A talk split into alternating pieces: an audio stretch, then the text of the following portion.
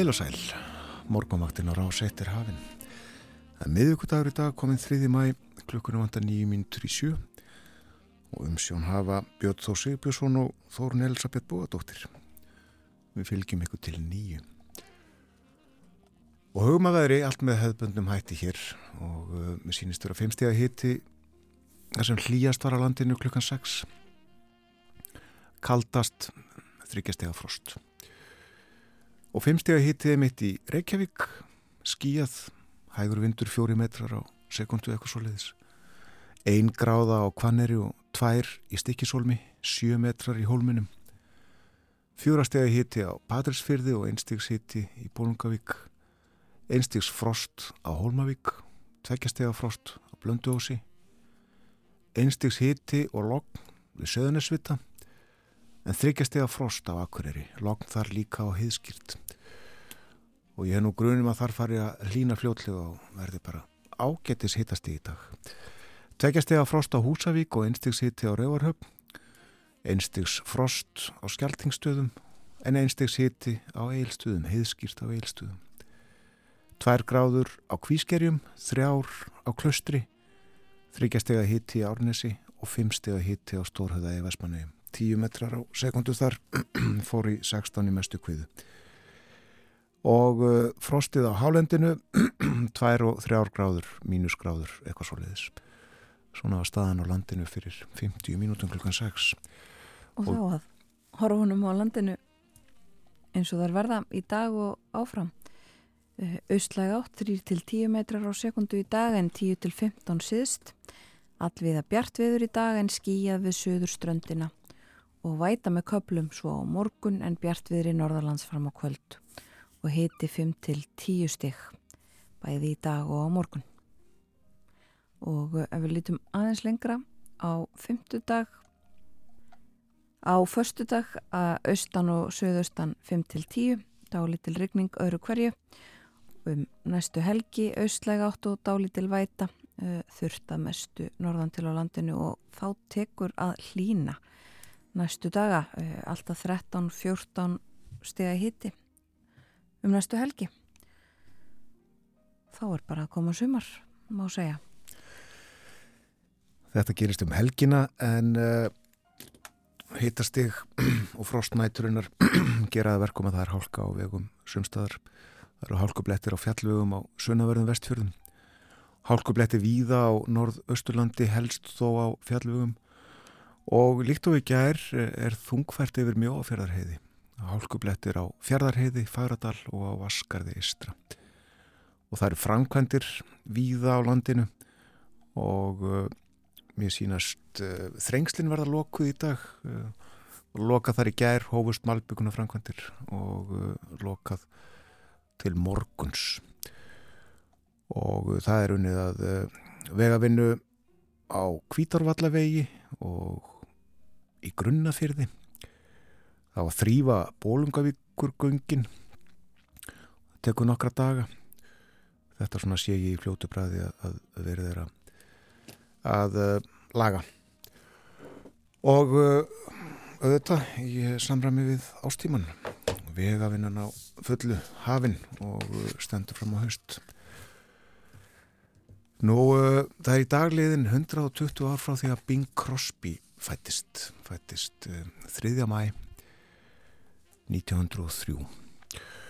Bing Crosby fættist uh, í uh, bæ í Washington ríki, Tacoma, nálagt Seattle og hann var það sem kalla má ofur stjarnar í heimalandinu og ekki bara þar heldur um heim allan, söng og lék og við skulum hlusta á Bing Crosby syngja eitt af sínum þekktari lögum.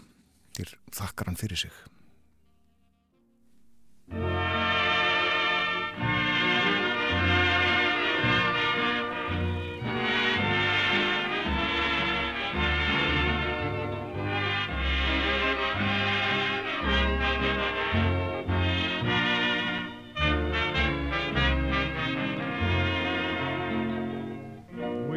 dwell love's own palace, a palace of dreams come true.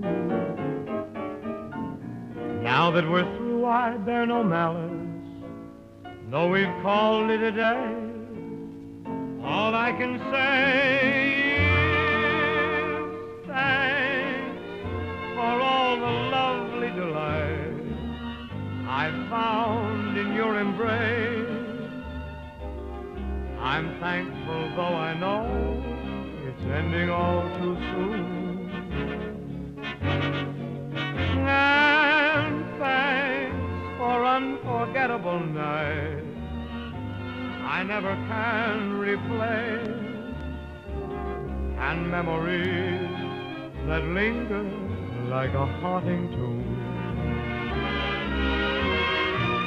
It is better to have loved you, dear, and lost, and never to have loved at all. Yes, it's better, for no matter what the cost, I held the world in sway, and never for a day. And thanks again for taking me on the road to paradise. We lost our way still I must convey my thanks.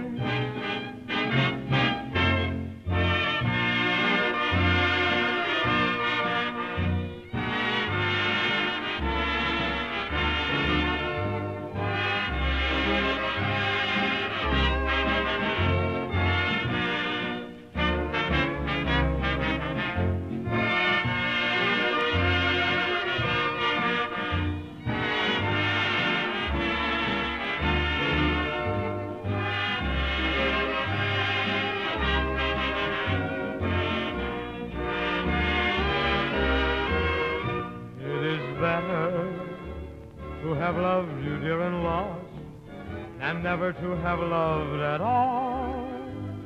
Yes, it's better, for no matter what the cost, I held the world in sway, and never for a day. And thanks again for taking me on the road to paradise. We lost our way, but still I must convey my thanks.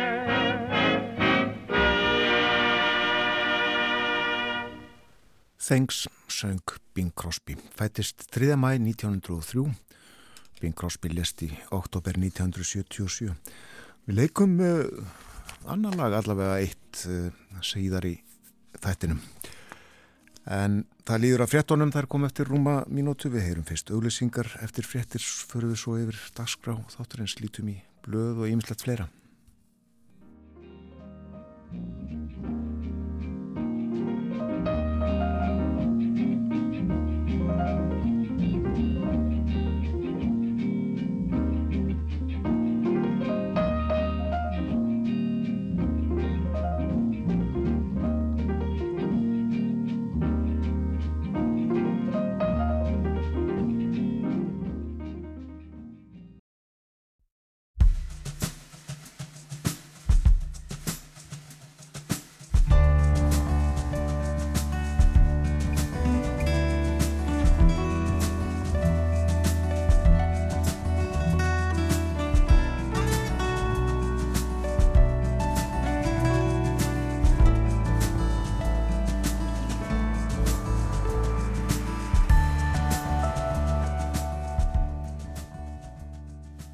Dag.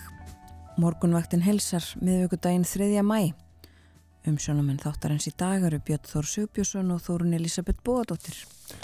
Og það er ímyndilegt á daskra hjá okkur í dag. Við ætlum meðal annars að tala um internetið og samfélagsmiðlana sem hafa breytt svo miklu í samskiptum fólks og einnig í miðlun upplýsinga. Það er svokvöldum falsfréttum dreift, lígum til að hafa mótandi áhrif á skoðanir almennings. Og af þessu hafa yfirvöld og fleiri áhyggjur og reyna að sportna við. Það eru komna fram tilugur að aðgerðum sem samnorræn hugveita vann fyrir stjórnvöld Norðurlandana og við fjöllum um þær á eftir með Elfu Íri Gilvadóttur, Frankvantastjóra fjölmilanemdar. Áskil Brynjar Torfason verður hjá okkur eftir morgunfréttir og að þessu sinni beinu við kastljósunni að Kristín Lagarde, sæðlabankastjóra Evrópu. Það hefur mætt á henni í verbulgunni og lífskjara krísunni síðustu misseri og skiptar skoðanir eru um það hvort hún hafi staðið sér nægilega vel. Vera Eilóðadóttir verður líka með okkur, hún verður hér upp úr hálf nýju, rifjar upp kríningar englandskonunga langt, langt aftur í aldir. Og hér í ett á eftir þá sláum við á þráðin í Skagafjörðin. Við fáum að vita hvaða botnar þóttu bestir í vísnakettni Sapnahús Skagfjörðingar sem end er til í tengslu við sæluvikuna árlegu. Heyrum í eh, Gunnari Rökkvaldsinni og Lungumýri hér eftir smástund. En uh, lítum fyrst í blöðin, innlend og erlend en þó allra fyrst á veðurhorfurnar, það verður austlæg átt í dag, vindræði að 10 metrum, kvassast siðst, jafnvel 15 metrar á sekundu þar. Og bjart allvíða í dag.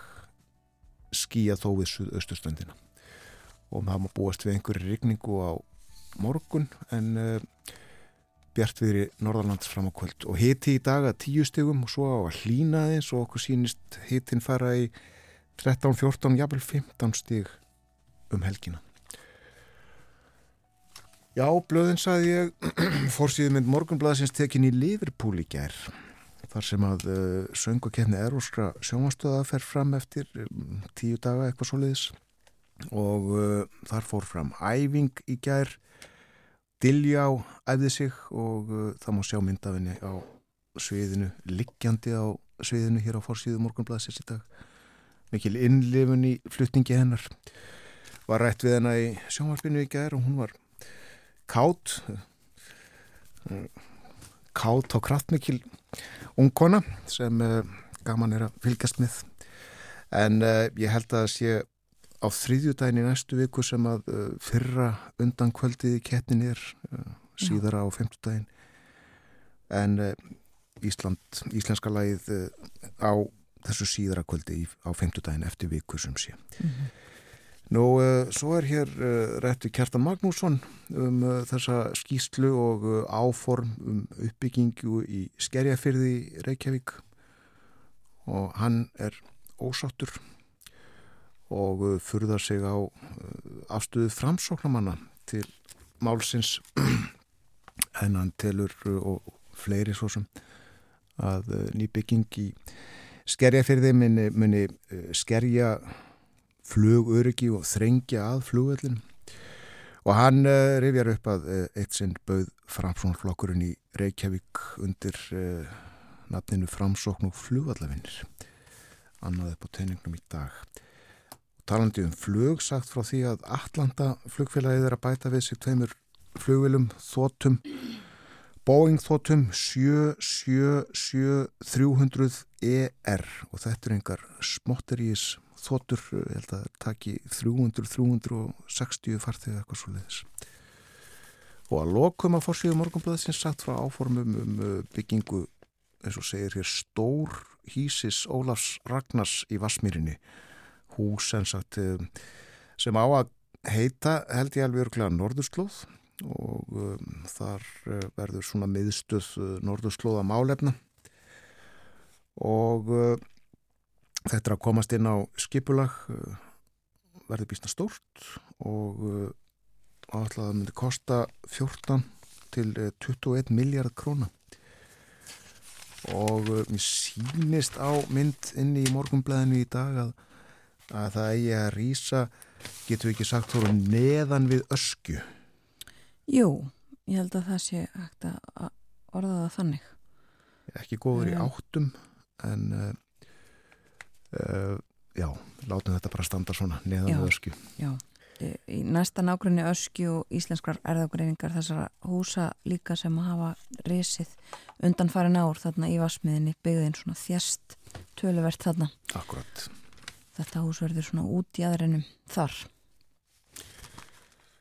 Og aðeins að líta út í heim. Við heyrðum uh, svo sem sumar af frettunum þaðan í uh, morgun frettunum klukkan sjö meðal annars af Selenski Úkrænufórsita sem að segist ekki hafa verið upplýstur um gagnaleka uh, frá bandaríkjunum.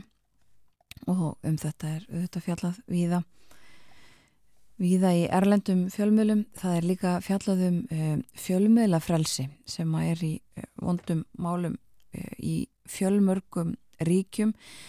Aldrei fleiri ríkjum heldur en núna samkvæmt þessum nýja lista. Þetta er listin yfir fjölmjölafrelsi World Press Freedom Index.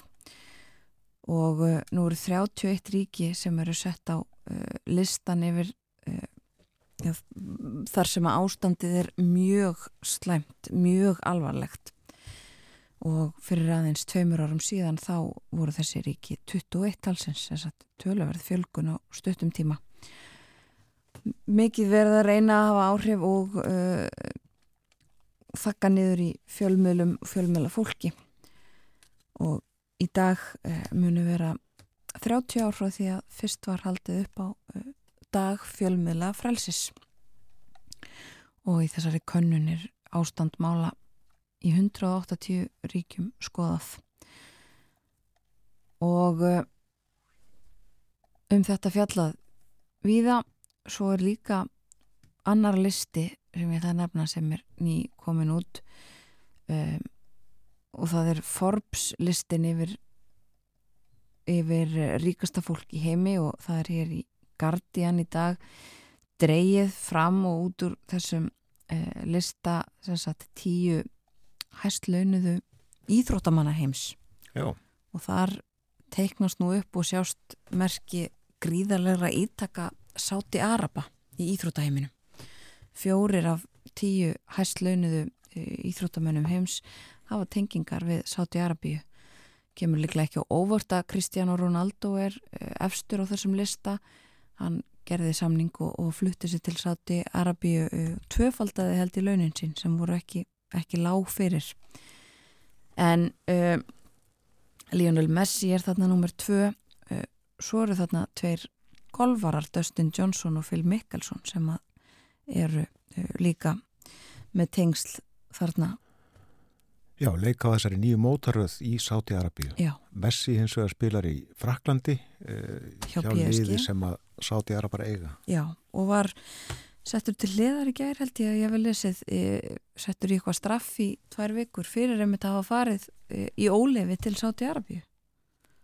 Held ég að lesið þetta í morgun Já.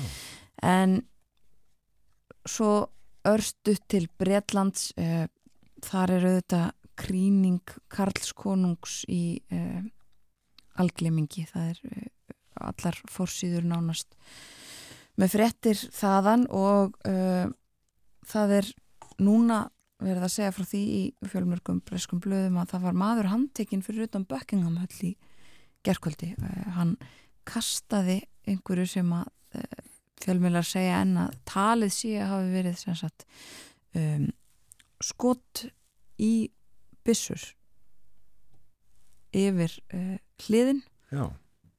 og uh, var handtekinn í kringum sjö gerðkvöldi og það er ekki verið að rannsaka þetta mál sem neitt svona neitt hriðjuverka tengt er sagt hér á vefbraskaríki og sútarsins en örfái dagar þangu til gríningin fer fram og uh, allt svona veldur áhugjum Meira um þetta er mitt uh, þessu tengt uh, hér á eftir þegar vera eitthvað að dótti verið með okkur upp úr hálf nýjum og ætlar að rifja fyrri aðtapnir þar sem að konungar breyta konungar hafa verið krýndir. Já og má kannski líka nefna þess að þætti sem að eru á 1 eh, Karl verður konungur. Tveir þættir uh, búnir og svo þriði á förstu daginn daginn fyrir kríningaratöfnuna Sem þetta gott af uh, dagblöðum dagsins í dag innlendum og erlendum. Það er miðvíkudagur miðvíkudagur og lífið gengur sem gang orti stein, steinar og uh, þeirri þokkabót söndu lagvið og sungu. Mennirnir græða og mennirnir tapa á víksl og var það ekki dagbjartur múrari sem að eignaði strengi gerð með minnir það. Hlustum á þokkabót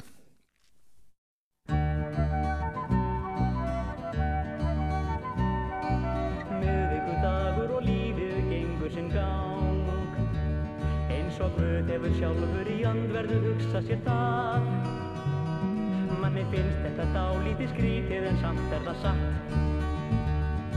Því svona hefur það verið og þannig er það. Þér gangi hér um með þann sama svip og í gær.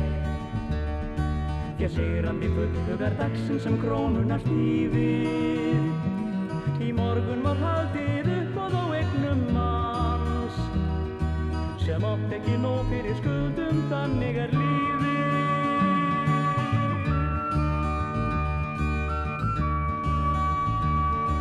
Og mennirnir græða og mennirnir tapa á viksl og mönnum er lána þó engin skuld sína borgi. Um alvegu strætin verðt móksins háværa öss.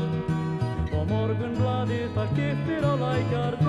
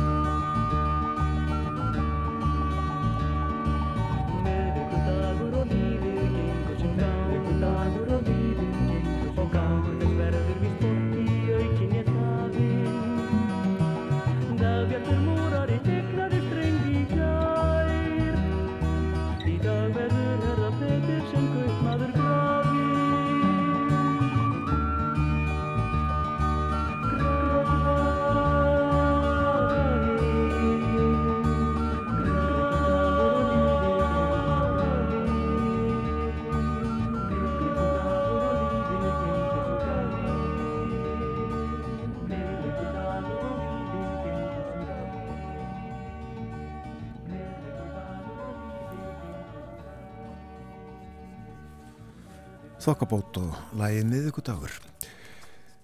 Hér á morgunvaktinni var um daginn fjallaðum vísnakeppni Sapnahús Skagfyrðinga sem að haldin er í tengslum við Sæluvikuna. Hún var sett formlega á sunnudaginn síðasta. Gunnar Rökkvaldsson á Löngumýri fór með fyrri partana fyrir okkur og nú liggja botnarnir fyrir, sigur botnarnir. Og Gunnar í símanum, góðan daginn. Já, góðan daginn. Tölum um uh, hvaðskap hér eftir smá stund. Uh, ég fór inn á veðmyndavél, uh, sá mynd úr skagafyrði og uh, það er bara fegurinn einn í dag. Já, það er óskaplega fallit veður eins og reyndaði búið að vera náttúrulega núna í undarfærið en það er bara verið kallt en hann er einhver viðsnúningu núna. Það er ennþá hela hér á, á bílum núna klukkan hvað, klukkan rómlega sjö en, en, en það er sólinu góðin upp og þetta er blæjálokkun og bjart yfir, Já. bjart yfir bæinum öllum. Og hefur verið bjart, uh, segir þú að undarföldum. Já, já, það er búin, já, já, það er búin að sólríkir dagar en, en, en ógúlu kundi alveg, alveg strengur. Þetta allir, allir séu sammála um það en, en þetta er alltaf snúa, þetta er betri vegar. Óvenju kalt sem sagt.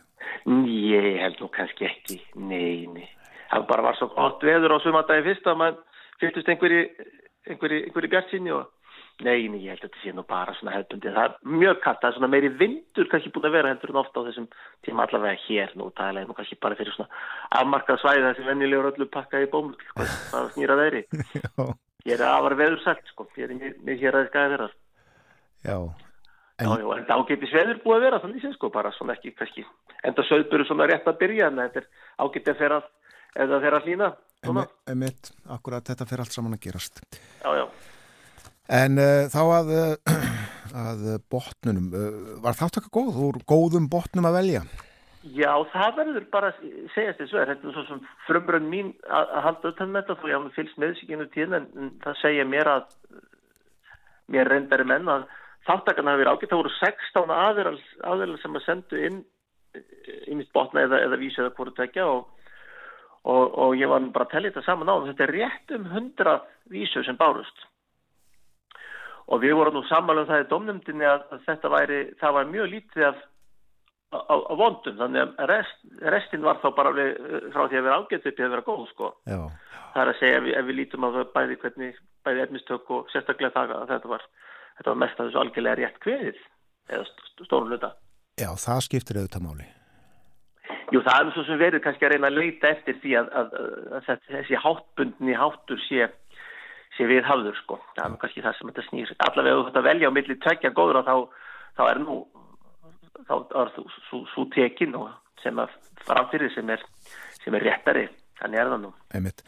voru flest umslögin pósluð í varmalíð og sögokróki að koma þetta víða að Þetta kom nú bara víða að og það er nú bara þannig að, að annar sigurvegar en við erum nú bara alltaf búin að hafa upp á honum með og hann er, hann, hann er ekki hann, hann er ekki heimamaður eins og við segjum þannig að það, var nú eða við vitum bara nafnið og það var í gær þegar ég leitaði eftir það var reyndar ekki ég sem átti að sjá um það en þá, þá var bara búið að finna út hvað hann eftir heim en það var ekki búin að ná á honum. Nei, það lítur að takast.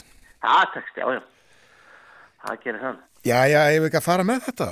E, jú, það, það voru nú, ef, ef ég má, það voru náttúrulega eins og fleiri ágættar heldur en bara það, það sigurverðnir, það verður gaman að fá svona smá sínsotnið ekki. Jú, Já, það var þess að menn átt að botna eh, fjóra fyrirparta sem voru láðið fram og, og svo áttu þeir að yrkja um, um tíðar sólalanda fyrir Íslandika, þannig að það er kannski best í byrja á þeim, því að það var svolítið skemmtilegt svona.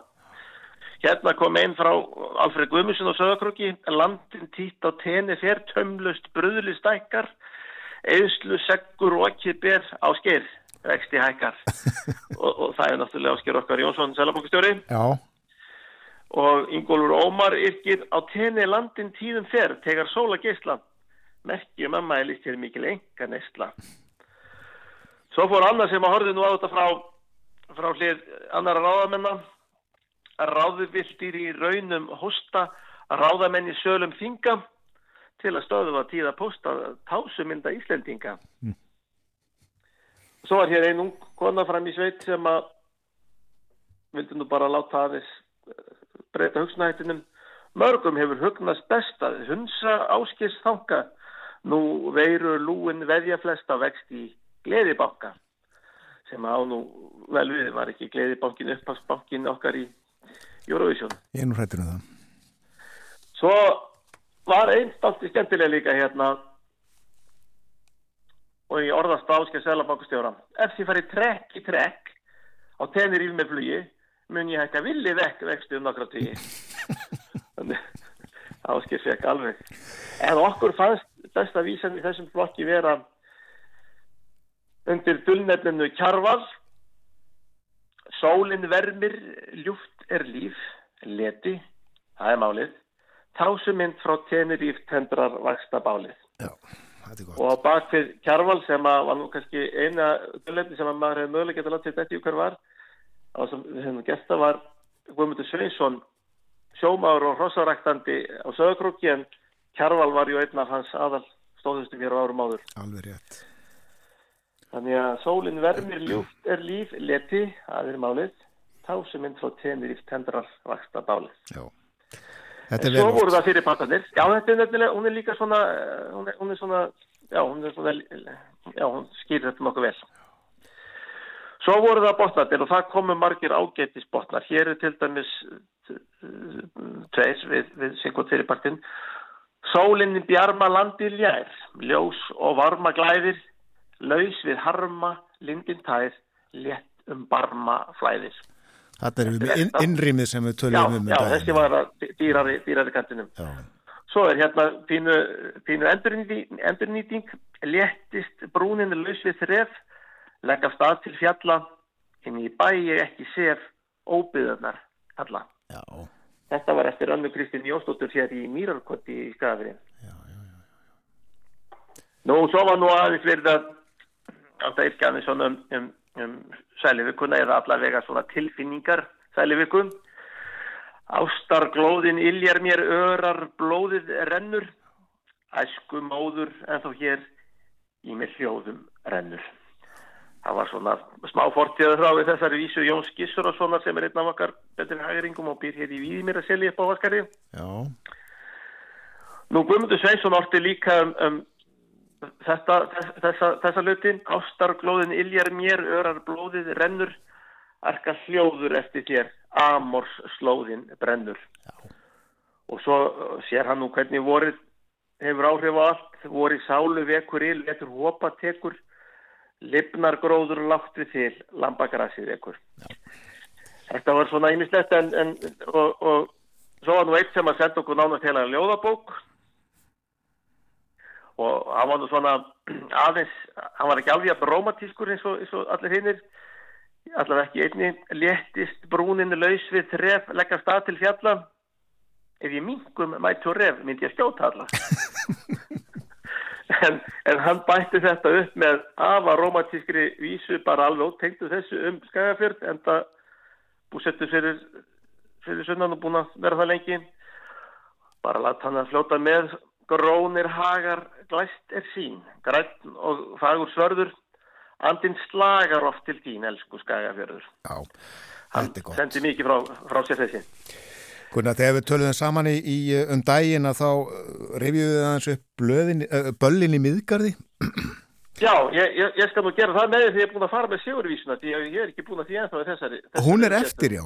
Hún er nefnilega eftir, ég ætlaði svona að lefa að heyra þessar bestu fyrst Já, já. En, en, en alltaf er þetta smekksatriði en okkur fannst að Guðmundur Guðlusson ætti bestu vísuna eða svona liprustu léttist brúnin laus við þref leggja stað til fjalla þó að cirka þúsund skref þurfum við á tinda alla Já. og, og geta nú menn sjálfsagt verið bæði sammála og ósammála um þetta en, en þannig verður það bara Og Guðmundur Böllin, höfum þetta segirum. Guðmundur Guðlusson og, okkur telst til að hann er heima sér í Mósisbæ Já. við þurfum að koma, komast að því Þið náðu vonandi saman. Já, nei, ég ætlaði bara rétt að nefna það. Ég sé það á baksíðu morgunblæðsins að herramenn frá Söðakróki verða í miðgarði á lögadaginn.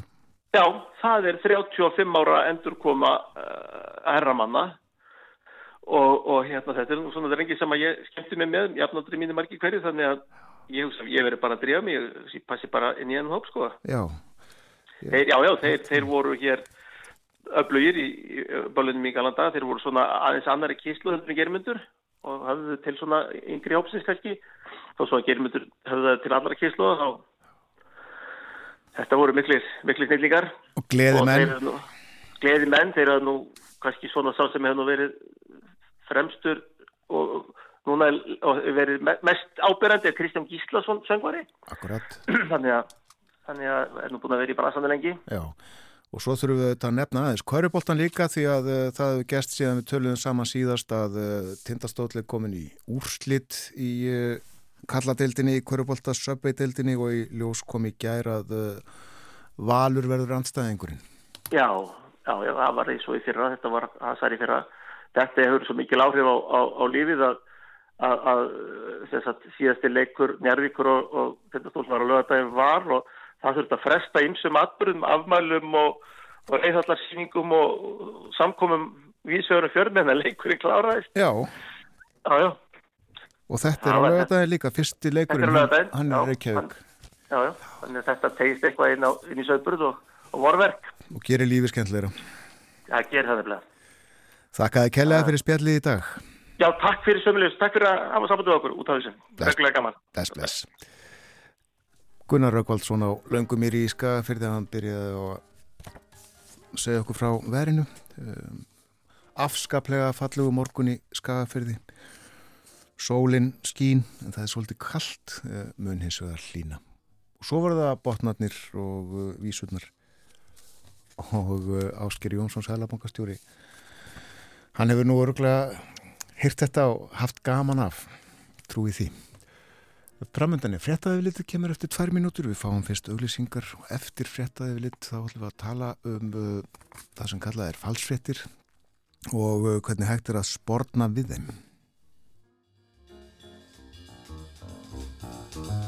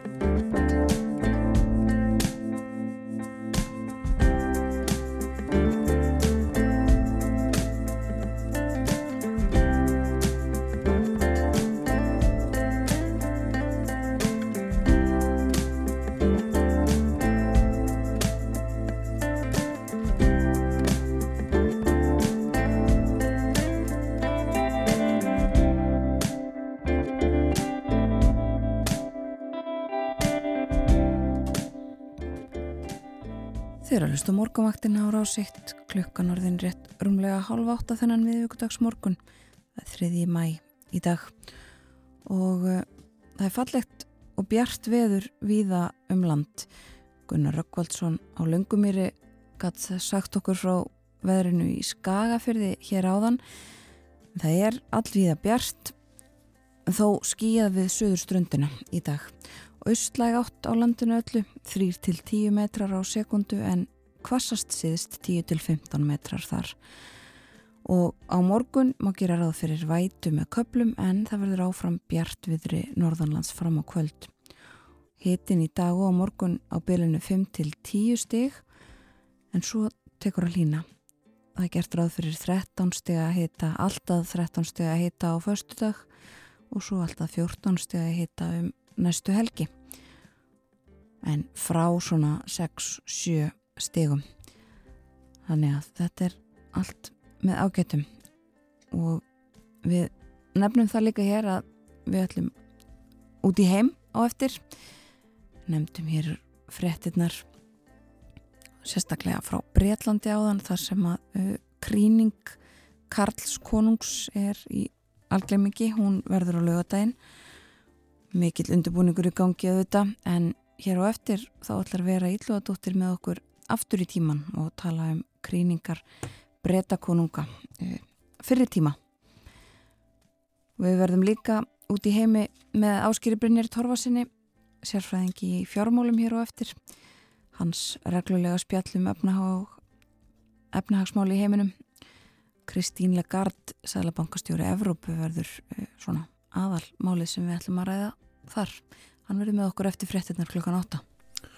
En nú ætlum við að fjalla um internetið og samfélagsmiðlana og rugglið og bullið og liðarnar þar sem að það er stundum drift í dulargerfi sanninda.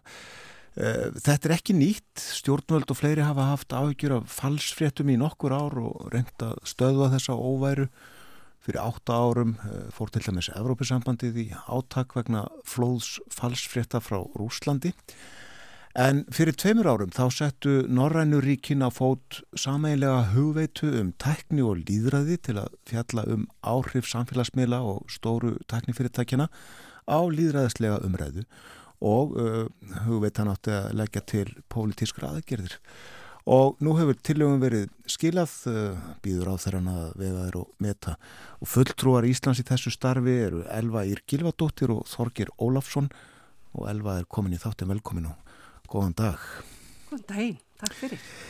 Ég ætla að byrja á að vitna í texta úr efni frá ykkur. Það segir, þrátt fyrir að samfélagsmiðlar hafi margar jákvæðar hlýðar, geta þeir og algoritmar þeirra líka haft neikvæð og skadleg áhrif á líðræði og líðræðislega umræðu. Förum fyrst eh, yfir það eh, hvað nákvæmlega er verið að tala um þarna. Eh, hvernig efni, hvernig er þið dreift og á hvaða hátt eru þessi áhrif? Já, e, þegar stórt er spurt, getur maður nú sagt. E, ég held að hérna, e, við þurfum kannski svona að horfa svolítið til sérstuðu Norðurlandana því að það er alveg ástæðu fyrir því af hverju við erum að skoða þetta í svona norrannu samingi og, og það er vegna þess að á Norðurlandunum hefur um eitt ríkt gríðarlega mikið traust mann á milli, bæði sagt, já, og til stopnana reyndar líka. Og þetta er jafn, þetta er jafn vel svo mikið traust að það er sko litið til þess bara út um allan heim og þetta hefur verið nefnt sem norræna gullið vegna þess að e, það er náttúrulega greiðalegu kostnæður sem er fælst í því bara í hérna eða eiga viðskipti og vera í samfélagi þar sem að traust ríkir ekki. Þá þarftu til dæmis að fara að greiða fyrir alla stimpla og það að þú sért sá sem að þú ert og svo framvegs. Þannig að það er, að það er þetta norræna gull og það er e, mjög margt sem að bendi til þess að algoritma samfélagsmiðlana e, þessi dreifing falsfrétta e, og sem er þá bæði að skapa svona polariseringu í samfélaginu og að grafa undan trösti því að það er náttúrulega hlutverk eða markmiði með upplýsingu óreðu, það er að grafa undan trösti, lík bæði manna meðal í samfélaginu og hérna gagvar stopnunum samfélagsins. Þetta tröst uh, sé að minga og þess vegna er þetta alveg sérstaklega skadilegt fyrir Norðurlöndin þar sem að trösti er svona mikið Já. og ég held að við kannski áttum okkur ekki alveg á því af hverju þetta skiptir svona miklu máli og hva, hvað þetta hefur í raun og veru, hvað þetta norranna gull er mikilvægt fyrir en að maður hefur mist tröstið. Hafið þið séð dæmi hér um falsfrettir sem að hafa beinlinni sveri skadlegar? Ég held að, e, eða sko það er náttúrulega bara við vitum það að það er hérna, já, það eru til dæmis óvinnveitt ríki sem eru náttúrulega að herja á alla, öll Norðurlendin. Við erum svo sem kannski ekki með upplýsingar um til dæmis svona að hvað miklu marki e, ríki eins og Rúsland út á Ukrænustriðinu er að beina upplýsingu óreiðu hingað en það er náttúrulega þetta hefur verið mælt til dæmis á hinum Norðurlandunum og er gríðalega hálskjabla. E, til dæmis bara þessi tvö ríki sem hafa núna verið að reyna að komast inn í NATO, Finnland reynda að koma inn en, en líka Svíþjóð bara um leið og þessi NATO uh, aðild kom upp á dagskrana þá náttúrulega bara varð holskjabla af upplýsingu óreiðu hérna í þessum tveimurlöndum. Þannig að þetta er í raun og verið bara svona hluti af uh, fjölþátt og ógnum sem eru veist, til dæmis þegar hérna, stríðskjallur á eins og, eins og svona en þetta geta líka verið hagsmuna aðilar sem að hafa haga því að koma sínum sjónamöðum að framfæri e, á, á, á kostna almanna hagsmuna og svo framvegs en þetta þarf náttúrulega ekki að vera e, erlend ríki. Nei. Er erfitt að greina falsfréttir frá öðrum? Um, sko, miðla og upplýsingalæsi er náttúrulega svona eitt af þessu sem að hugveitan er sérstaklega að minnast á og sé uh, gríðarlega mikilvægt. Og uh, þannig að það þarf náttúrulega svona valdefla almenning í því að sjá veist, hvernig, hvers konar upplýsingar eru þetta um leið og, og, hérna, og þú sérðu upplýsingar sem að kannski að reyna að vekja hjá þau mjög sterkar tilfinningar eins og reyði og óta þá vitum við það að, að, hérna, að það fær mjög mikla dreifingu. Þá þurfa mann kannski aðeins að hugsa býtu hver er hérna, hver er uppbrunni þessara frétta? Er þetta allt satt og rétt og svo framvegs þannig að það er náttúrulega til ímsar eh, aðferðir. En ég vildi kannski líka nefna það að eh, við erum náttúrulega núna að tala um upplýsingu óreðuna en það eru líka mjög uh, margar ansóknir sem er að benda til þess að þetta, er, að þetta sé líka hafa mjög slæm áhrif bara á börnin okkar ungmenn. Af því að við mögum heldur ekki gleyma því að fals, eh, sko, við erum með falsfrettir og, og, hérna, og upplýsingar og það skiptir málið að, að við séum vel upplýstar ef við erum að taka ákvarðinu og svo framvegs.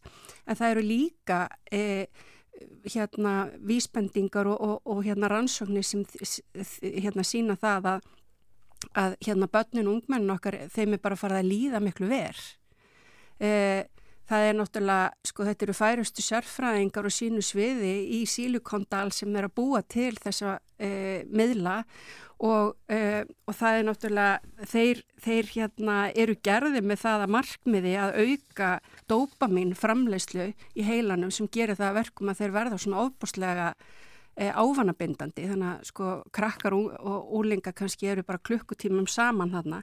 Og þetta e, gerir það síðan að verkum að þegar þau eru ekki á miðlunum að þá e, kannski finnaðu til deburðar, jafnvel kvíða og hérna og svona hlutir sem að kannski manni finnst rosalega skemmtilegir svona hverstags í raunheimum það hættir að vera skemmtilegt af því að við erum að nota dopamínu okkar sagt, inn á þessum miðlum. Þannig að við erum líka að tala um það að veist, þetta er heilsufars vandamál, þetta er spurningin um líka bara líðan fólks.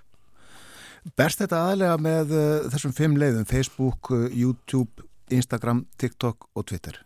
Já, þetta eru svona stærstu miðlarnir og eitt af því sem að hugveitan er einmitt að segja því að Evropasambandið er í hérna er eiginlega svona fremst í flokki varðandi það að setja einhvers konar ramma og reglur á þetta allt saman. Þannig að nú þegar í mæ tóku gildi í Evropasambandinu e, fyrsta lögjöfinn sinnar tegundar um þessa stóru meila og Evropasambandi hefur þá hérna, eftirleit með því. Við Ísland erum ekki búin að innleiða þetta e, í, hérna, í lög hér á landi þannig að þetta er ekki svona farið að taka gildi hérna. En þarna e, sjáum við það að, að, að sko, það eru þarna Evrópurammi, e, það er líka sagt, e, lög um gerfigreind hérna, sem er væntanlegur, það er líka fyrsta, fyrstu lögin sinna tegundar.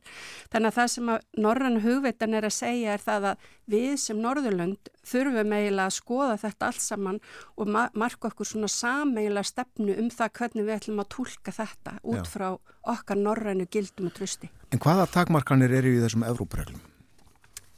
Já, það er til dæmis varðandi bara dreifingu falsfrétta, það er, e, sko, þetta svona, er alltaf spurningin um það, sko, að, að, að, að þú mátt ekki vera með svona skadalegt efni eins og til dæmis hattursorræðu eða falsfréttir sem að er, e, sem að eru raun og veru, sko, verið að dreifa kerfislegt. Nú er náttúrulega eitthvað sem getur náttúrulega verið þarna inni en, þetta áallavega ekki vera hluti af viðskipta mótili þessara miðla. Nei. Eins og staðan er núna þá erum við komin með við getum kannski orðað þetta bara svona líðræðis vettvangurinn í dag fer fram inn á miðlum sem að þeir í raun og veru setja ramman utanum hvernig við ætlum að, að, tala saman sem, og, og hvernig við erum upplýst.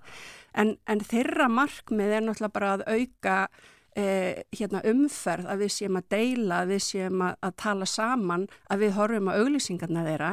En það er ekki í raun og veru að stöðla að líðræði í þessum löndum. Þannig, þannig að þeir eru náttúrulega bara að auka hagnaða meðan við höfum áhugjur á líðræðinu. En er þeim uh, sama eigendum og stjórnendum þessara fyrirtækja, þessara risastóru fyrirtækja að uh, eftir brautum þeirra uh, fari líu og þvæla sem setti fram í annarlegun tilgangi? Já, það sem að kannski ástæðan fyrir því að Evropasambandi er að setja þessar reglur og ástæðan fyrir því að norrannu ríkistjórninnar eru settu þessar norrannu hugveitu á, á laginnar er ymmit vegna þess að menn hafa áhyggjur af því að það er ekki búin að vera nægilega mikil kvati hjá þessum fyrirtækjum. Ég meina það er bara, það flóir allt þarna og e, eina tillögum líka hugveitunar er það að setja á stopn e, svona sérstakann bara vinnuhóp. E, núna sjáum við það að chat GTP var sett á laginna bara núna í lók síðasta ás og ég menna við erum bara hérna, e, sko þetta er bara svona rétt, ekki einu svona slíta barskónum en samt sjáum við e, bara gríðarlega breytingar og, og möguleika sem að gerfegrindin hefur þannig að, að það er svona kannski tala um það og, og það er eitt af því sem að hugveitan er að benda á, við verðum sameila að fara að vinna í þessu og gera okkur grein fyrir því að við erum að fara að sjá núna holskeplu af gerfi greindar tilbúnu hérna, efni sem að bara á þeim skala sem við höfum bara aldrei séð áður. Þannig að ef að við höfum haft áhegjur af líðræðinu og það að við séum að e, hérna, mynda okkur skoðun út frá raungum upplýsingum, þá er það bara í raun og veru batnaleikur með það sem við erum að fara að sjá með tilkomu gerfi greindar. Því að myndirnar, myndskeiðin, djúbfalsanirnar og textin, þú veist, þetta er náttúrulega bara á þeim skala að, að þetta er mjög trúverðugt, e, þetta er náttúrulega sett fram þannig að þetta svona lítur út eins og einhver hafi sagt þetta og það er hægt að búa til svo gríðarlega mikið efni. Þannig, og, og, og svo eru við náttúrulega svona víruð þessum manneskjur að, að trúa myndunum og myndbrótunum og svo framvegs. Þannig að veist, þetta hefur bara þessi áhrif. Ég ætla kannski nefna bara sem dæmi svo fólk skilji þetta. E, þú þarft ekki nefna bara nokkra sekundur af mannsrött til þess að geta búið til bara hérna nýtt nýgaríusvendl. Nú eru til dæmis nýgaríusvendlin hægt að vera þannig að þú fáur ykkur tölvupóst nýjustu nýgarjusvendlin eru gerð með gerfigrind. Það er einhver rödd kannski hjá batnabatni sem er sendt til af og ömmu og segir bara hérna að því að þú þart ekki að gera annað heldur en segja halló hver er hann á línunni. Það er nóg til þess að það sé búið að fá rætt hérna upp, upplýsingar um röddina og svo er hægt að búa til bara svindl sem segir hefur ég er í hættu getur um millifært á mig. Það er að festast hérna áhugju enningunar. Eh, Hvað leggjið til eh, þið í, í þessari samnorrannu hugveitu? Já, við leggjum náttúrulega ímislegt til. Uh, við, við hérna leggjum það til að, að við skoðum í raun og veru öll Norðurlandi sem svona samþætt tækn og liðræði svæði af því að þetta er náttúrulega, við eigum öll sumu hagsmun að gæta og uh, við tölum sérstaklega um svona gott stafrænt læsi, miðla og upplýsingarlæsi og það er hérna þá bæði út frá falsfréttunum eins og ég var að nefna en líka út frá bara líðan hérna, badnan ungmennun okkar Er eitthvað svoleiðis komið inn í eh, námskrá, eitthvað kent í skólum?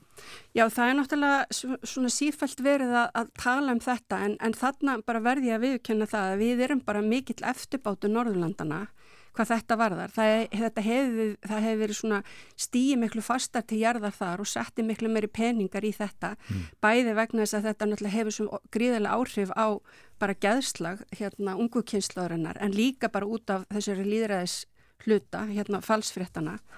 Síðan náttúrulega er verið að tala um það að, að það þurfa að samræma þá eins og ég nefndi það hvernig e, við ætlum að, að, að þessar stefnumótin innan ramma laga Evropasambandsins e, og hérna Uh, líka að, að, hérna, að það verði, hérna, við fáum aðgang að þessum algoritmum því að algoritmannir og það hvernig þeir virka, þeir hafa svo mikið að segja um náttúrulega bara til að skapa polariseringu og svo framvegs þannig að við þurfum að sjá líka hvernig algoritmannir virka og fá aðgang að því. Útskýru þetta aðeins betur, ég er ekki vissum allir skilji hvað þið við Já, það er þannig að, að hérna, við þekkjum það til dæmis að, að ef við horfum á Netflix þátt eða lag og Spotify eða eitthvað slíkt að þá fáum við gætnan hérna önnur lög eða aðrar myndir sem eru þá eitthvað sem að, e, við gætum haft áhuga á út frá því hvað við erum búin að vera hlusta á eða horfa á. Og það sama gildur raun og veru samfélagsmiðluna. Það sem við höfum verið að læka, það sem við erum að lesa, það sem við erum að klikka á, það í raun og veru við fáum meira af því. Þetta er líka ástæðan fyrir því af hverju fólk getur farið mjög fljótt svona ofan í kaninu hólur samsæriskenninga ef að það fer til dæmis að spurja um eitthvað Já. og síðan hérna ferða að fá miklu meira af þess slíku efni. Ef ég les eina uh, falsfrétt í talan og gum ef ég uh, læka við hana að uh, þá bara hellist þetta yfir uh, sambarlegt efni. Já og þetta er til dæmis eitt af því sem við rættum einmitt í norrannu hugveitunni. Því að ef við hugsim um það að við sjáum hérna eh, kerfishrun algjört á fjármálamarkaði 2008 og við erum með til dæmis alls konar eh, varnagla þar, þar er til dæmis algoritmar að kaupa og selja hlutabref og þar er til dæmis algoritmarni gerði þannig að þú mátt ekki kaupa of mikið til þess að búa til kerfis áhættu í fjármála hérna kerfinu. Og það er þetta yfirfæra þetta yfir á... Já, já. og ég menna og við segjum, býtu af hverju fær enginn að sjá algoritma samfélagsmiðlana, við sjáum til dæmis bara í bandarökjunum hvernig polariseringen er orðin þar, ég menna stjórnmálinu svo framvegs og fólk sem að gríðalegt magna fólki sem að trúir bara allskynns fals, eh, falsfrettum mm. en það er hins vegar sko ekkert tala um kervis áhættu með hugsanlegt hrun líðræðis sem dæmi. Nei. En sko það má ljúa er það ekki? Það jú, jú, það má ljúa. Er þetta ekki svolítið erfitt viðrögnar? Jú, þetta er svona, þess vegna segja það líka að, að hérna sko ég menna það ríkir tjáningafrelsi og það má ljúa, ég menna það er hluti af þessu, en síðan er kannski orðið spurningin um það þegar að, að hérna við erum kannski komið með bara Erlend ríki eða ríkistjórnir sem er að reyna að hafa áhrif með því að kerfislægt að, að, að, hérna, að villa um í umræðinni sem dæmi. Og, og síðan er líka ekki síður ef að það er mjög mikið að til dæmis hatustali, gagvart ákveðnum hópum, ég meina við sjáum vísbendingar um það að bæði konur og ungt fólk á Norðurlöndanum er síður að taka þátt í svona líðræðisleiri umræði bara vegna svona eh, bara þess áreitis og ta, hérna hvað segja, hérna hatur sem, a, sem að fólk fær. Já, það er hins vegar bannað, það er ákvæðan það, það í almennum hengingum. Já, já, já. Það, það er bannað og ég menna þú veist, það getur kannski verið eitthvað eitt skipti eða eitthvað slíkt og, og, og hérna, en, en það að þetta bara sé láti viðgangast og heila hópanir takk ekki þátt í líðræðslega umræðu er náttúrulega ekki gott. En alveg, ertu þokkalega bjart sín á og við náum einhverjum tökum á þessu? Sko, ég held að, að hérna, e, Sko við náttúrulega stöndum fram með fyrir alveg reysa vöxnum áskorunum og þess vegna er bara mjög gott að taka samtali. Það er mjög mikilvægt að fólk átti sig á því hvað er að gerast, hvað hérna gerfigreindin mun jáfnframt líka að gera og uh, það að, að Norrannu ríkin eru svona að gera þetta sameigilega uh, og Evrópusambandi búin að setja þessi sína hérna lögjöf, eitthvað svona ramma það er allavega fyrstu skrefin um það að þetta sé mjög ofalega á pólitískri dagskrá sem að svona kannski vonandi gefi vísbendingar um það að, að það verði gefið ennþá meira í að það sé, verði raunverulegu skilningur á þessu og fólk þarf að þetta að hugsa, hugsa sig gang líka gagvart þessu öllu saman. Tala nú ekki um að, að hérna, foreldrar að hjálpa krökkunum að skilja þetta allt saman betur en að gera kannski. Já, og foreldrarnir líka bara að hugsa um það hvernig þeir róta meðlana. Já, þakka þið fyrir að koma morgunvaktin í dag. Takk. Elva er Gilvardóttir, hún er frangatastjóri fjölmjölanendar og uh, sata á samt Þorgeri Ólafsinni í þessari norrænu hugveitu sem að var sett á fót fyrir tveimur árum og uh, hefur nú skilað tillögum eða já, tillögum getur við kallað það. Til uh, mentamála og fjölmjöla ráþærarna á Norrlöndunum og uh, þeir skoða þetta og, og ákveða svo næstu skref. Aðeins að uh, störfum alþingis í dag, uh, þingfundur í dag, uh, hefst klukkan þrjú og framfer, ég hún, held hún hefist hálf fjögur sérstök umræða um kjara gliðnun sem svo er nefnt. Þarna er átt við held ég alveg öruglega þegar líferir aldraðra og öryrkja hefur ekki hækka til jafs við laun og það er viðar Eggesson sem fer fram á þessa umræðu og er málshefjandi og til ansvara verður Bjarni Benditsson fjármála á efnaðsráþra. Það var annars breyting á þingliðinu í gær. Haraldur Benditsson uh, afsalaði sér þá þingmennsku með formlugum hætti. Hann uh, var nýlega ráðinn bæjastjöri á Akarnesi og uh, er að taka við þar og tók Teitubjörn Einarsson sæti hans á þinginu.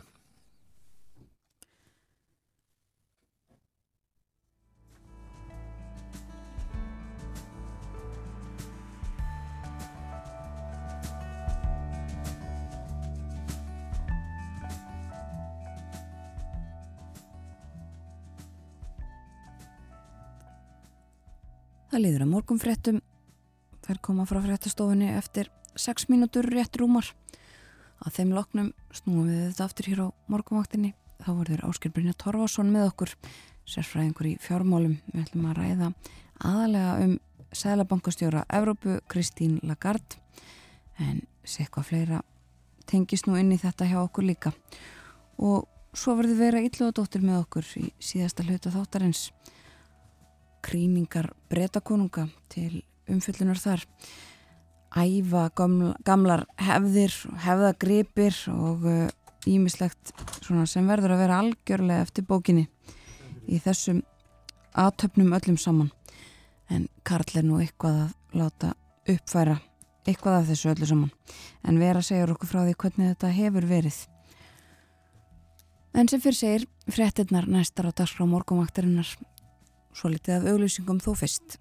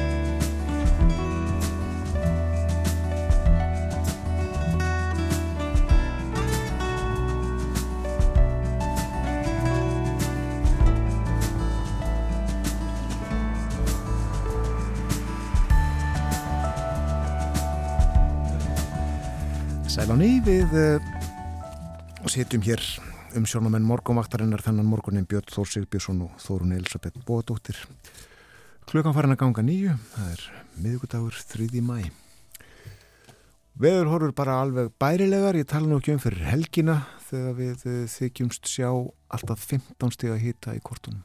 Já 15 steg að hýta sé til dæmis á hvern eru meðan dag og lögadag það er ekki slæmt en það er svolítil regning í kortunum um helgina líka.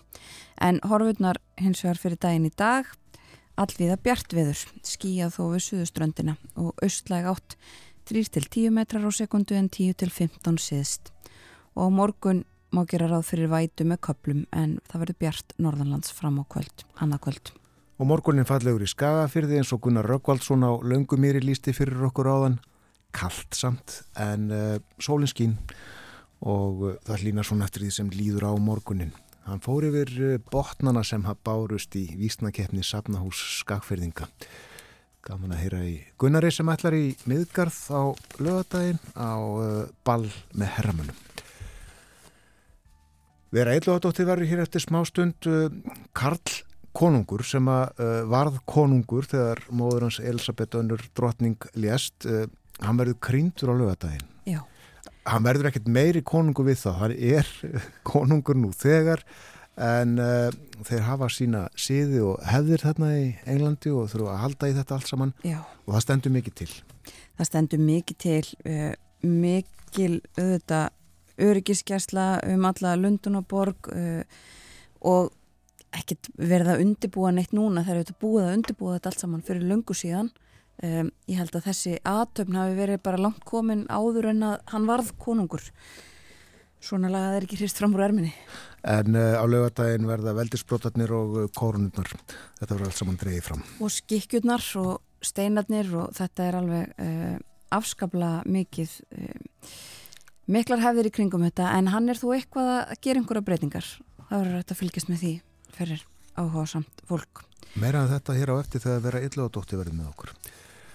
En uh, nú er hér hjá okkur Áskeiprinar Torfarsson við ætlum að fjalla um efnaðasmál í heiminum heil og sæll og góðan dag. Góðan daginn. Síðan við töluðum saman síðast þá hefur annar banki og þessi bara nokkuð stór í bandrækjunum farið á hausinu.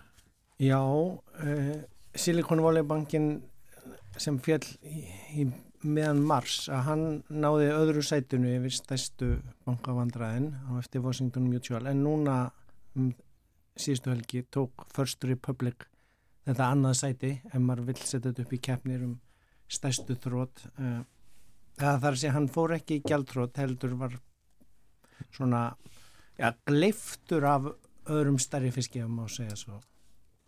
Uh, og uh, þó að þetta sé kannski að marguleiti líkt vandamál og þá þarf að segja vaksta hækkan í selabankana láta svona banka sem eru í já, þessum svona sérhæfðum business að lána eh, eins og þessi First Republic var að lána auðu og fólki húsnæðislán fyrir mjög dýrum eignum að, að þeir lenda í vanda þegar að vextinir hækka.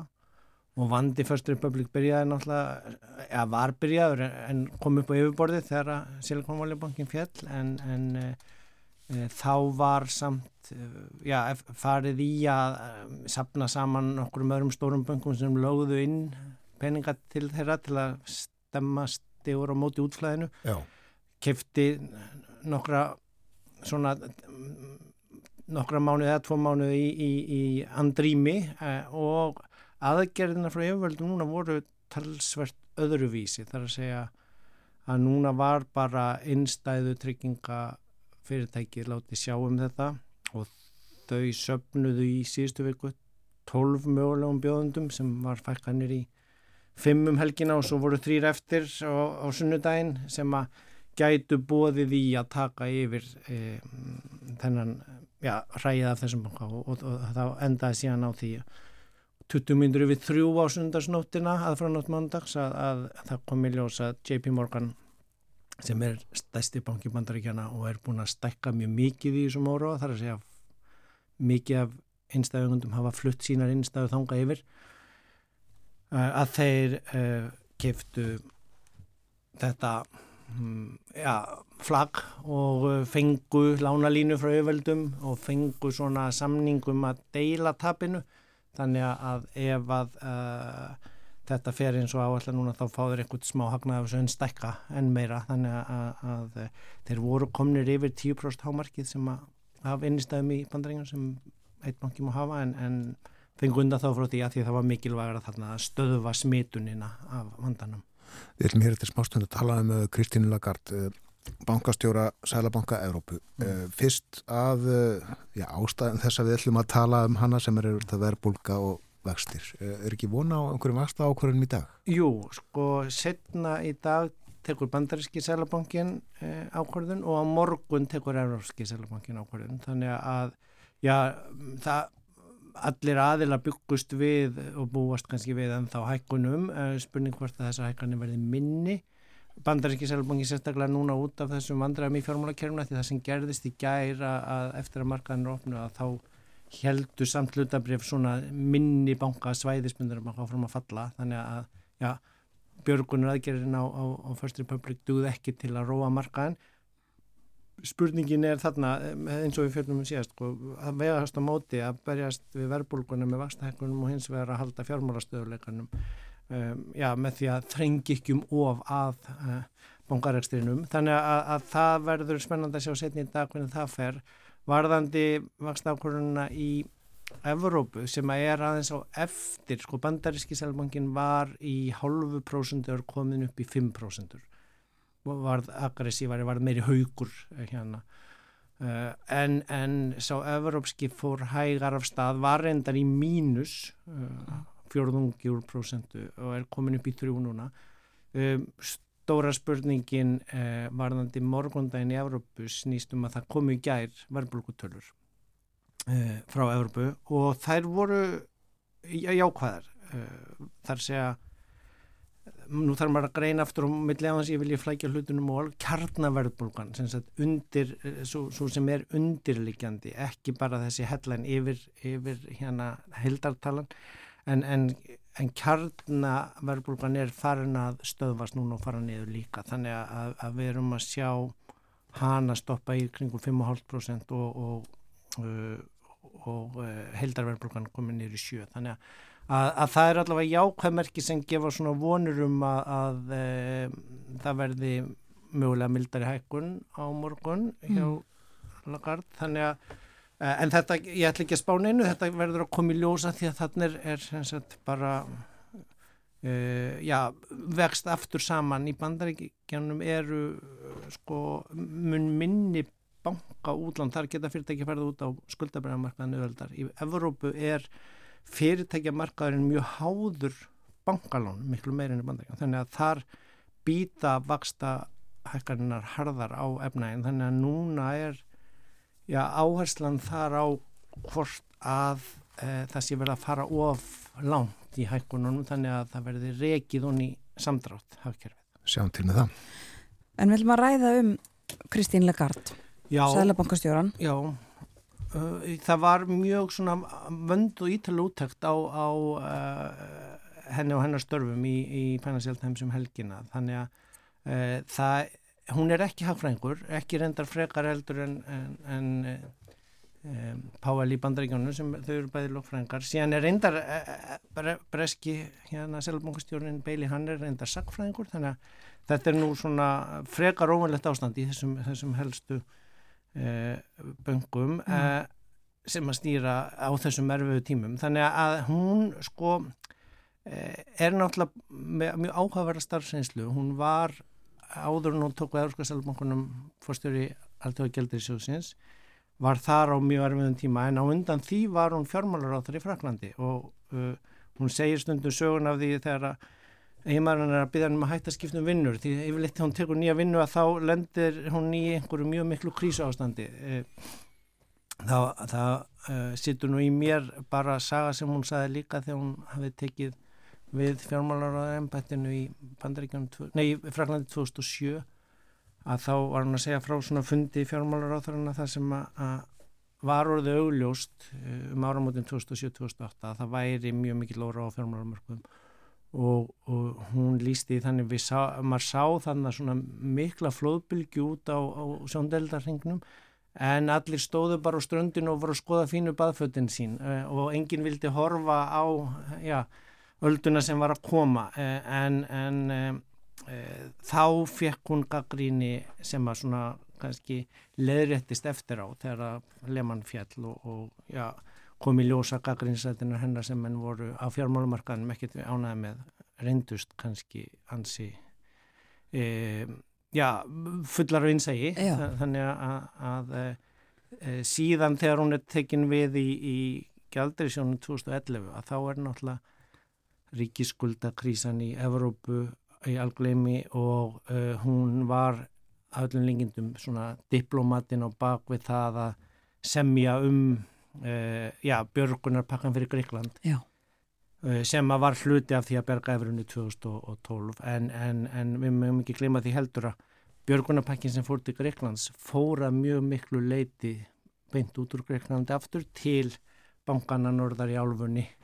Þannig að það var svona já, ákveðin jafnvægislist þar e, sem að henni hún átti mun meiri þátt í held ég eh, kemur í ljós eftir á heldur en hún var upp á yfirborðinu og svo tók hún við fór hún frá alþjóða gældirisjónum og, og til Sælabanka Evrópu. Já.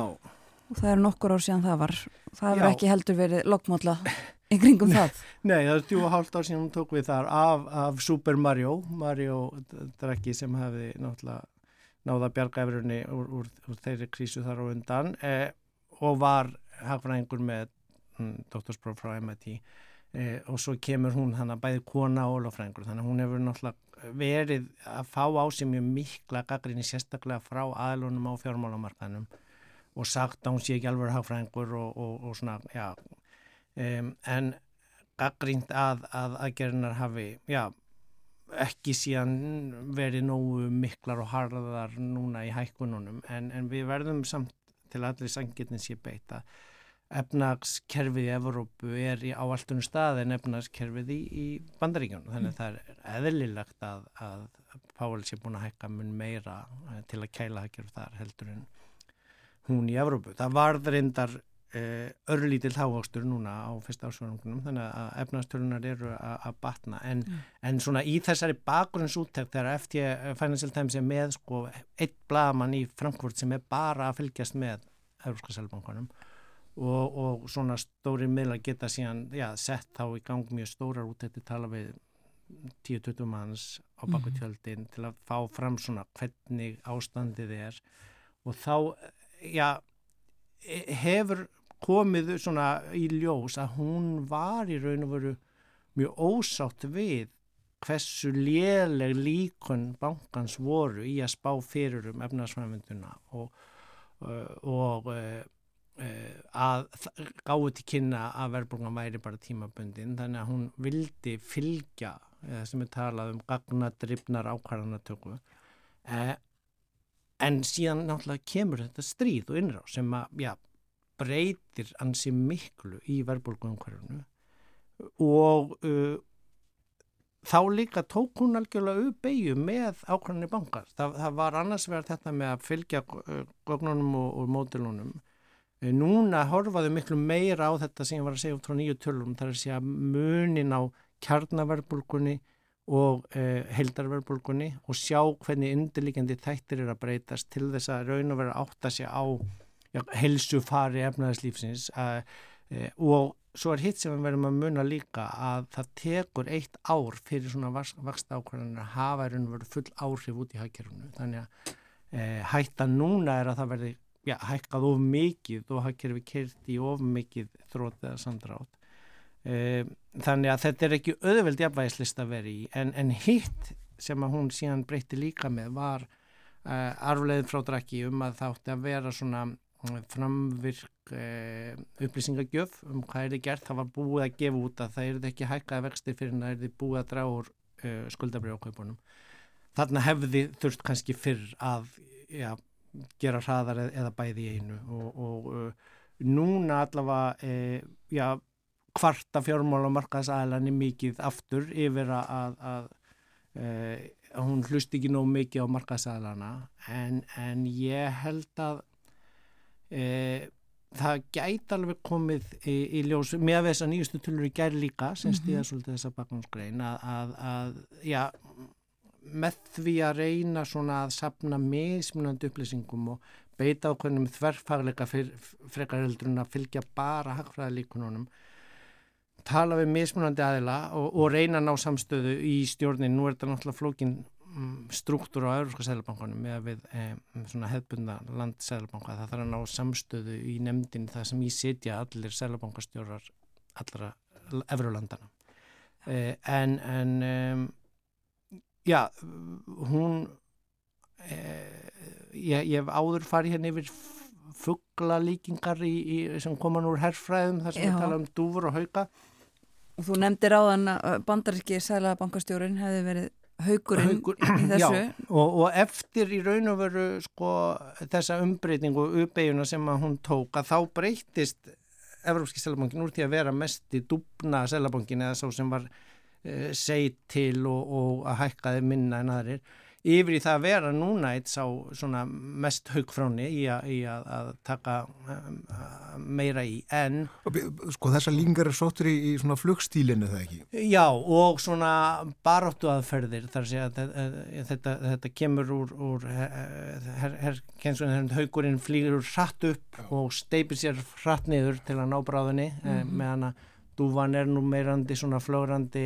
hægt og rólega og, og hérna er ekki mjög aggressív þar að segja, vil, vil frekar ná já, já, svona að halda öllum hópnum bara góðum á torginu en, en, og drepa sem fæsta mm. en, en, Lagarde hefur eh, sjálf eh, og ég hef þetta áður þetta kom skipt fram í þessar greinleika að hún hefur frekar vilja líka sér við þriðutegundunum fuggli sem kemur nú ekkert fram úr, úr fræðunum beint en það er að uglan sem að situr svona hátt upp á grein og horfir yfir en nú talaðum líka sem fugglu viskunarstundum eða uh, hérna mikið í heimsbyggin líka sem að uglur eru uh, vinsælar uh, sem ímynd að, að hún er mögulega þrátt fyrir alla þessa gaggrinni að ja, íhuga hlutina og vanda sig til verkana án þess að taka of gorki miklar já, árásraðferði nýja of mikla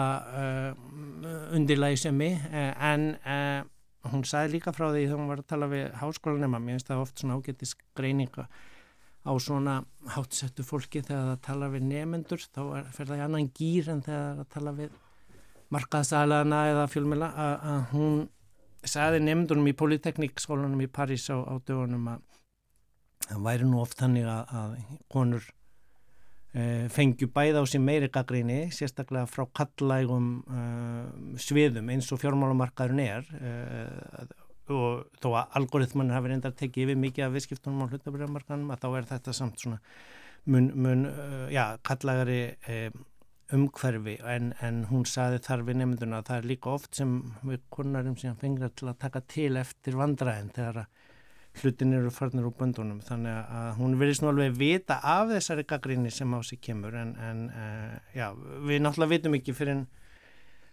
áfram heldur hvenar tekst að snúana niður uh, skefnuna en, en ef, ef við höfum örlítinn tími lógin þá er önnur ugla sem ég langaði að minnast á sem að hérna, koma aðeins í 13. líka í gær uh, Janet Yellen sem að er eh, búin að vera seljabankastjóri og er núna fjármálaráttara, hún þurft að koma út með þær upplýsingar að bandaríski ríkisjóðurinn myndi ekki geta borgað um á námótin -hmm. hérna útgjöld sín sem er náttúrulega ekki í raun og veru raunverulega hætta þegar þú sittur á mikilvægustu mynd í heimi um, en þeir eru með mjög stífar reglur í tinginu um hvað útgjöld og skuldar hlutfalli má vera hátt. Og þessar reglur voru ekki teknar úr sambandi í, í, í, í uh, heimsfaraldrinum eins og í Evrópa en, en hún er allavega já, a, a, þar að, að segja að nú þurfum við lagabreitingu þinginu sem vantalega verður mikið í frettum núna á næstu uh, dögum og vikum. En, en, en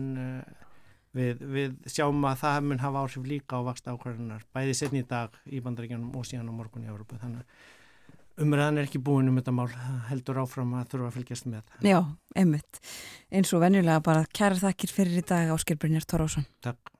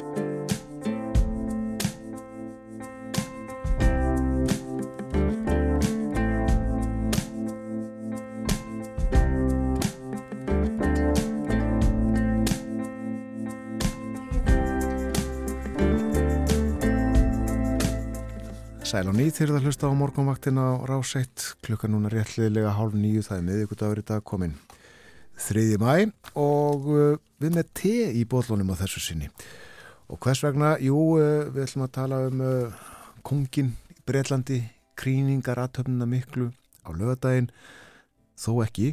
Við ætlum að rifja upp fyrri aðtöfnir og uh, heyra af uh, veldisbrótunum og koronunum og skikkjunum og ég veit ekki hverju og hverju og hverju sem að dreyja fram og ekki dreyja fram og hefur verið gert í aldanarás vera illadóttir hefur kynnt sér þessa sögu, kríningasögu breskra konunga eh, drottninga líka Jú, drottningarnar uh, hafa auðvitað verið, uh, þarna hafa verið uh, drottningar í, í, á Englandi og Breitlandi og, og sömulegis drottningar sem eru kríndar við, við hlið konunga sinna er hefðin. En þetta verður já, merkileg aðtöfn á, á lögadaginn sama hvaða skoður maður hefur á, á uh, bresku krúnunni eða, eða karli þriðja. Uh, breska konungsfjölskyldan er, er uh, eina konungsfjölskyldan í Evrópu sem að en heldur í svona þessar uh, æfa gömlu kríningar uh, hefðir flest uh, önnur konungsríki hafa svona létta þess á, á stemmingunni í, í, í aldanar ás en, en brettar mun minna svona grunnurinn að uh, þeirri uh, að kríningu Karls á, á lögadaginn uh, eru í raun og veru já, elstu hlutar þeirrar aðtapnar má rekja aftur til kríningar konungsins Játgeirs friðsama Englands konungs 973 sem að það var smurður með helgri helgri ólíu og og svo framvegs og uh, síðan hafa byggst ofan á þetta ímsar, ímsar fleiri aðtapnir og þarna er jafnvel þó að, þó að konungar og drottninga Breitlands hafi nú svona reynd sumi leiðis að nútíma væða ímsar uh, hefðir Viktoria Drottning gerði það, Elisabeth auðvitað og það hefur verið bóðað núna í fjölmiðlum að kríningar að töfn Karl segja að vera svona eitthvað eitthva nútímalegri en, en, en forvera hans þá eru þetta æfa alltaf gamlar hefðir og ímislegt mjög gamalt sem að þarna er, er dreyið fram til þess að nota. Það eru þetta já, alls konar veldisbrotar, tværið af fleiri kórónur, mörg sverð og, og annað sem kemur við sögu. Síðan mun Karl III setjast á svo kallan gríningar stól sérstakann sem að var byggður, var smíðaður árið 1296 að, að, að talið er og, og breytar á velt fyrir sér hvort að sé mögulega svona það húsgagn, svona elsta húsgagn sem að, sem að enn er í, í, í nótkunn þó að það sé kannski ekki sest oft á hann þá, þá er það þá notaði sínum upprunnulega tilgangi. Og er, er það ekki hásæti?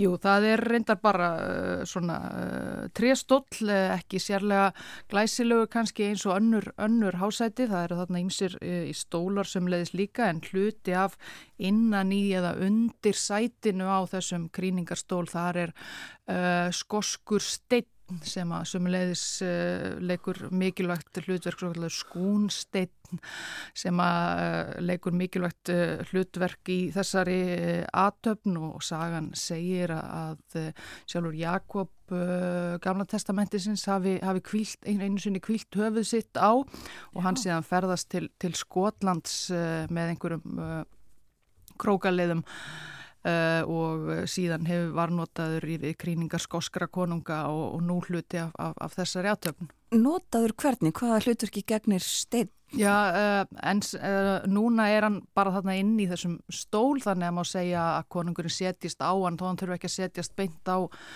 beint á, á steinin sjálfan að þeir búið þeirra að byggja smíða utanum hann þennan, þennan ágæta stól og annars er einn hlutur uh, sem að uh, talin vera ennþá eldri uh, frá, uh, frá því 1100 og eitthvað og það er kríningar uh, skeiðin sem að, sem að uh, kríningar óljöni, heilari ólju er held í og, og, og, og notað erkibiskupin í Gandarborg notar síðan til þess að, að smyrja konungin og þessi, þessi skeið sem sé æfa, æfa forn og hefur varðveist ólíkt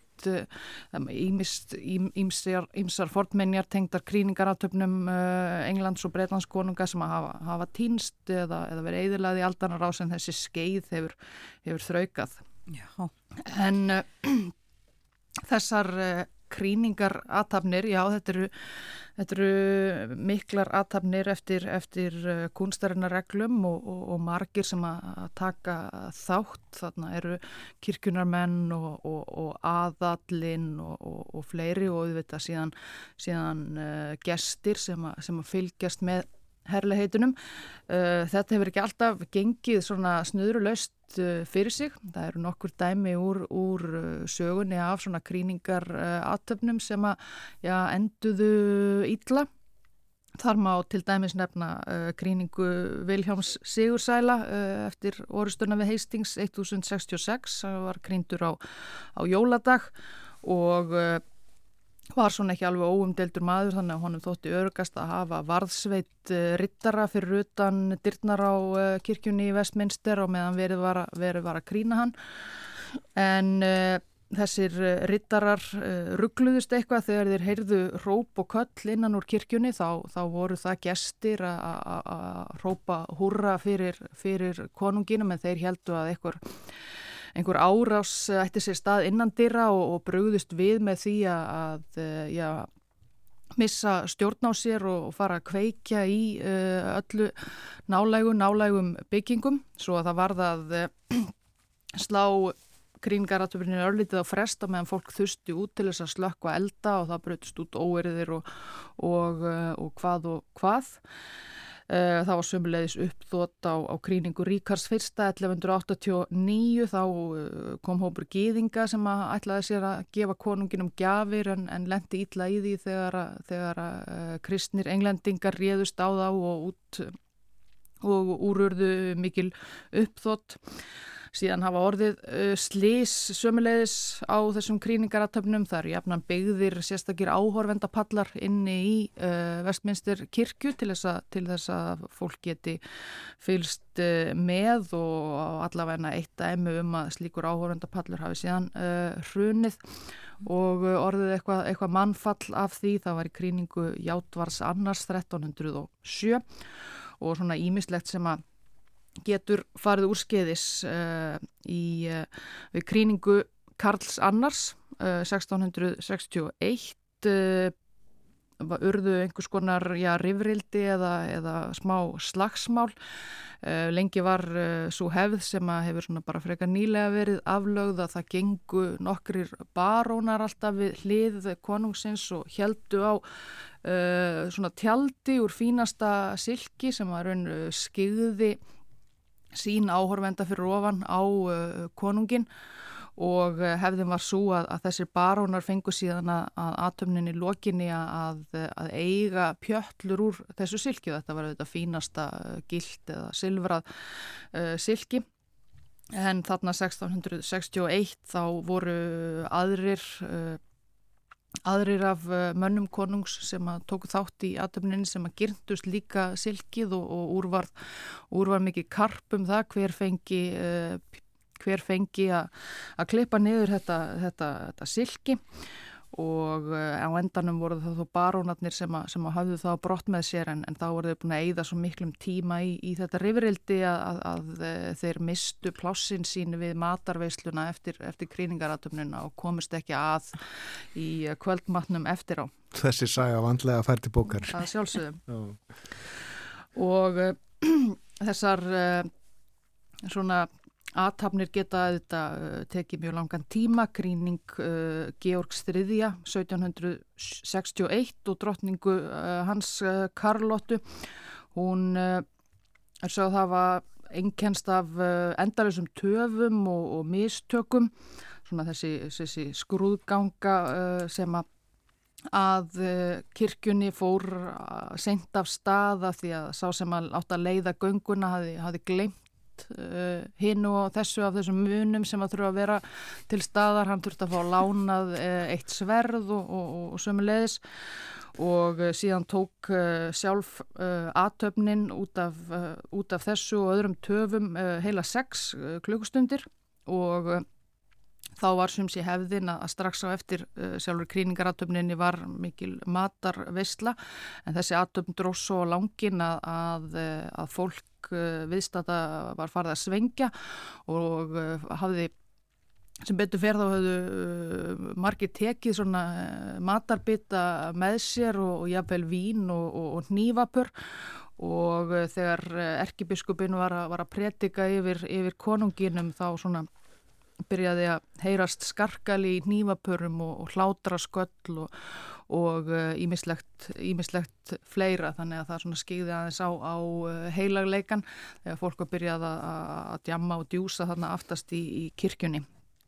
Uh, síðan er talað um að uh, það var ekki verið gefið upp og verður ekki gefið upp fyrir en að þessari krýningarátöp lokinni hvað hún mun kosta, krúnan ætlar ekki, ætlar ekki að segja það.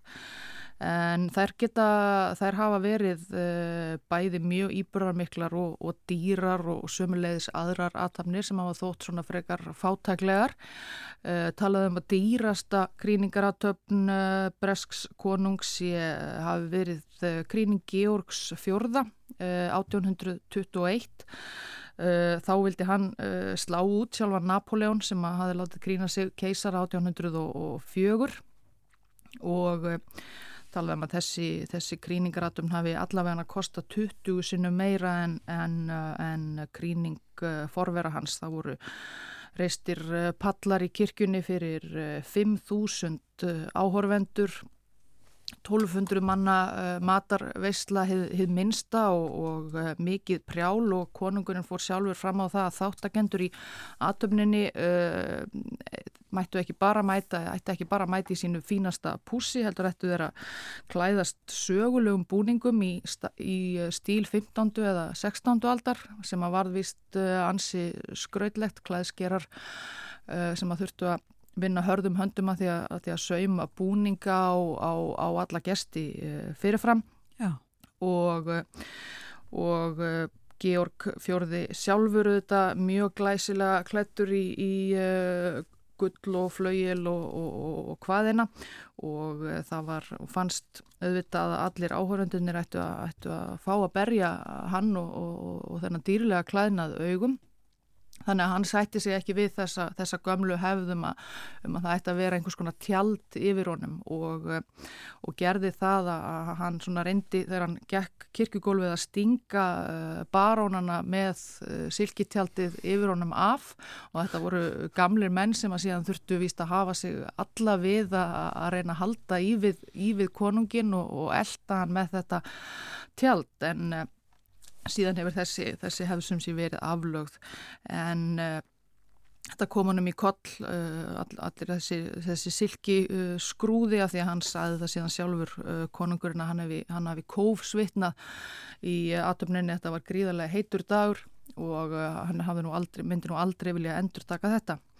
Og það var sömu leiðis fun heitt í matarveislunni eftir á þar sem að matargestir fjalluvist unnvörpum í, í yfirlið og þessi veistla sem að fór fram í uh, Westminster höll uh, þar voru uh, 26 stórar uh, ljósakrónur sem að lístu upp uh, salin með uh, alls 2000 kertum og sökum hýta þá uh, svona bráðnuðu kertin uh, aðeins meira en, en ætlast var til og, og, uh, og sögur af því í heimildum að, að vaksi hafi farið að rigna nýður yfir matarborðin og, og á matargesti.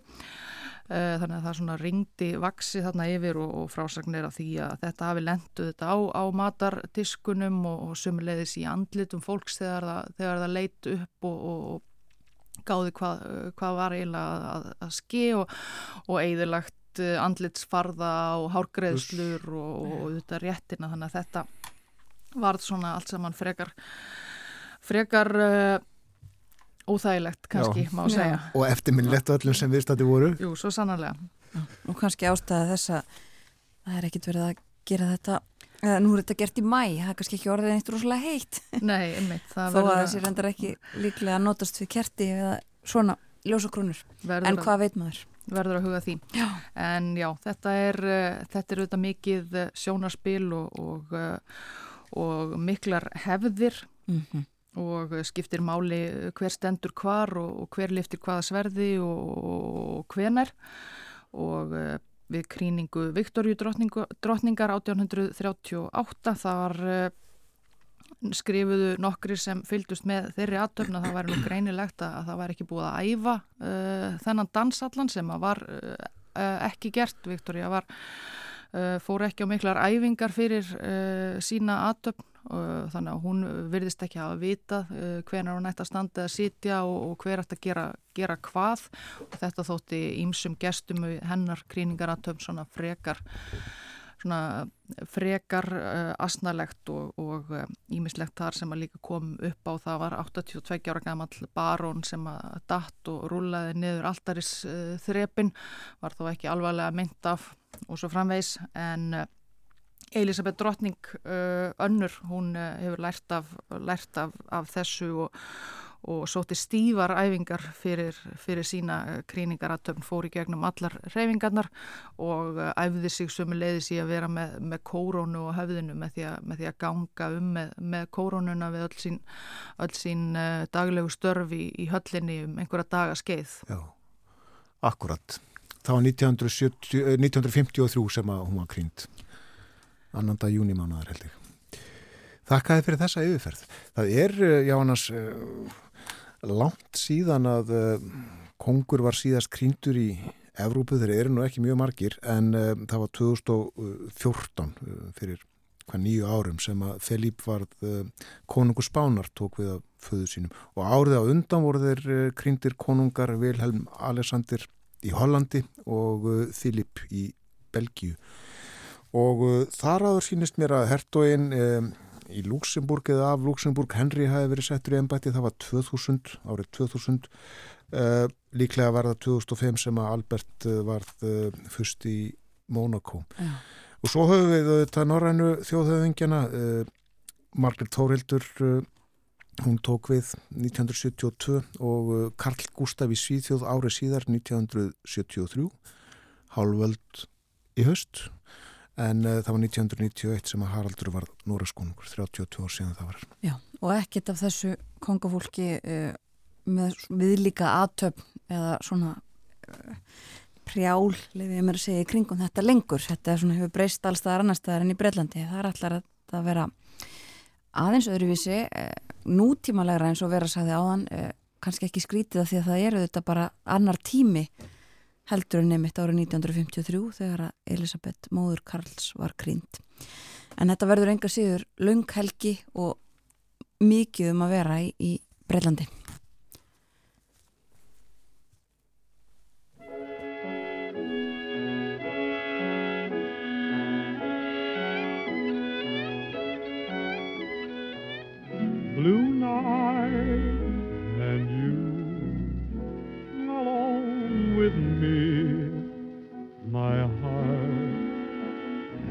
Never known such ecstasy.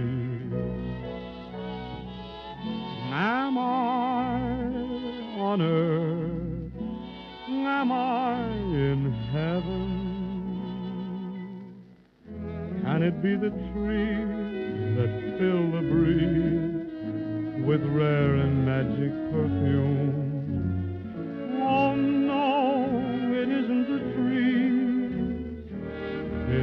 Love in bloom? Can it be the spring that seems to bring the stars right into this room? Oh no, it isn't the spring, it's love in bloom. My heart was a desert, you planted a seed. This is the flower, this hour of sweet fulfillment. Is it all a dream, the joy supreme that came to us in the gloom? You know it isn't a dream, it's love in